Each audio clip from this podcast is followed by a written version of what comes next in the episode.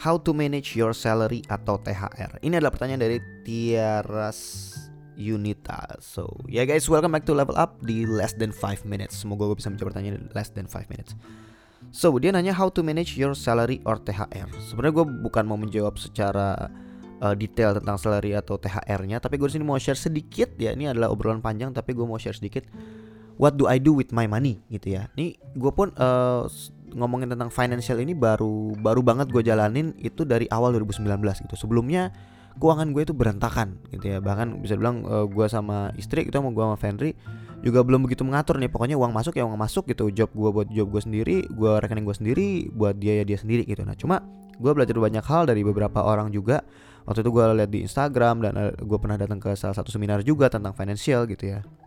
So gini, yang terjadi uh, ini correct me if I'm wrong ya gue ada takutnya ada beberapa yang gue lupa gitu ya. Nah jadi gini yang yang menurut gue sangat penting banget dalam manage financial kita gitu ya itu adalah membagi ke beberapa hal prioritas gitu. Nah yang yang benar adalah yang gue pelajari itu ya uh, pertama kalau misalnya kita dapat gaji nih misalnya anggaplah gaji 5 juta gitu ya. Nah yang pertama prioritasnya itu adalah kalau gue gue uh, sebagai manusia dan gue as a muslim juga uh, ada ada apa namanya uh, keinginan untuk berzakat gitu ya dan ada kewajiban untuk berzakat. Dan gue pengen dua setengah persen dari gaji gue ini itu untuk diamalkan gitu ya. Entah buat mau gue kasih donasi atau apa segala macam pokoknya gue pengen dua setengah ini disisikan untuk beramal gitu ya. Nah yang kedua itu adalah uang darurat.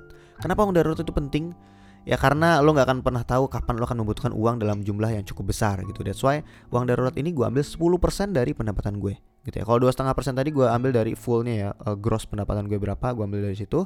Sisanya uh, yang 10 persen ini gue juga ambil dari uh, fullnya berapa gitu ya. Misalnya ada 5 juta berarti dua setengah persennya berapa tuh? 5 juta dibagi 4 125 ribu gue ambil buat amal. 10 persennya berarti 500 ribunya gue ambil buat uang darurat itu yang ketiga itu gue lupa nih apa nih kalau salah ini buat investasi ya cuma gue sih gue belum menargetkan berapa yang gue pakai untuk investasi tapi kalau dilihat dari urutannya nih ya dari yang gue pelajari itu dari uang amal uang darurat, uang investasi, uang uh, apa namanya? keseharian. Ini ini antara uang investasi atau uang cicilan ya kalau nggak salah ya. Gitu ya kalau memang cicilan. Lalu uang operasional yang sehari-hari baru yang terakhir adalah uang hura-hura atau uang untuk lo bersenang-senang. Nah, yang ternyata terjadi banyak di uh, yang sekarang terjadi di banyak orang itu adalah kebalik justru gitu. Orang malah yang pertama yang dilihat gitu ya baru digajian itu langsung hura-hura dulu nih. Baru abis itu mikirin oh operasional gue gimana ya? Aduh ternyata gue harus cicilan nih gitu kan. Aduh abis itu gue ternyata uang darurat deh ini sisa nih sisa 300 gitu ya. Udah deh buat uang darurat deh.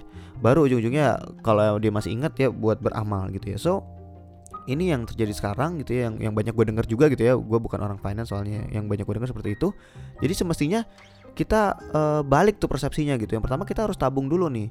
Yang tadi misalnya buat amal yang kedua itu buat uang darurat gitu ya. Biasanya 10% atau seberapa persen itu tergantung lo bisa berkomitmennya berapa. Dan harus komitmen tiap bulan harus disisihin seperti itu. Gitu baru ntar sisa-sisanya um, hura-huranya tinggal sisa berapa persen gitu ya. Itu persenannya tergantung lo yang bisa tentuin. Karena tergantung dari operasional lo per bulan berapa nih. Gitu. Nah dengan kayak gitu dengan lo ngebagi apa namanya uh, slot-slotnya gitu buat yang ini buat amal nih buat darurat segala macam lo akan lebih termanage gitu. Dan lo nggak akan merasa uh, uang uang gue banyak banget nih gitu. Lo nggak akan merasa seperti itu karena lo juga um, oh satu lagi sorry. Kalau gue dengan yang gue lakukan sekarang adalah gue menggaji diri gue setiap bulan. Meskipun gue seorang freelancer ya konten kita tapi gue menggaji diri gue setiap bulan. Misalnya gue misalnya gue gaji gue 5 juta gitu ya. Nah kalau misalnya gue sebelumnya gitu kan gue misalnya dapetnya 10 juta 20 juta gitu kan gue merasa wah uang gue banyak banget dan 30 juta gitu kan misalnya. Tapi kalau misalnya gue menggaji diri gue komitmen setiap bulan misalnya 5 juta ya gue akan merasa ya uang gue cuma segini aja gue cuma punya 5 juta gitu. Jadi gue harus manfaatin dengan baik gitu. Uang yang lain mana? Uang yang lain udah di, dimasukin ke pos-posnya masing-masing. Ada uang darurat uang amal uang investasi uang cicilan misalnya uang uh, apa namanya operasional rumah buat bayar uh, supir pembantu dan segala macam ya udah ke sana semua. Jadi gue udah aman nih tiap bulan pokoknya aman dan gaji gue ya segini gitu. Mau gue nggak bisa hura-hura gitu. Nah uang hura-huranya dari mana? Nah itu biasanya gue punya rules lagi misalnya dari jumlah penghasilan gue gue ambil 5% itu sebagai bonus gitu. Jadi misalnya gue ada gaji 5% eh gaji 5 juta terus ternyata uh, misalnya uh, pendapatan gue misalnya 10 juta gue ambil 5% misalnya 500 ribu. Jadi gue dapat bonus 500 ribu. So misalnya gaji gue jadi 5 juta plus 500 ribu untuk gue bersenang-senang. Misalnya gue bisa beli uang uh, bisa beli uh, apa namanya barang-barang online dan segala macamnya gitu yang sesuai dengan diri gue sendiri. Tapi kalau misalnya untuk urusan keluarga, kita ada lagi nih. Kalau gue di keluarga ada lagi rekening yang khusus untuk kebutuhan keluarga gitu. Kalau untuk personal yang gaji tadi masing-masing gitu ya. Oke, udah udah udah 5 menit. So, kira-kira gue itu dulu aja. Mungkin ntar gue bahas lebih detail lagi. Mungkin bisa ajak Fendri juga untuk ngebahas soal financial ini karena ini pembahasan yang cukup panjang. Gue nggak bisa jelasin secara terburu-buru di sini dan ini juga udah lebih dari 5 menit.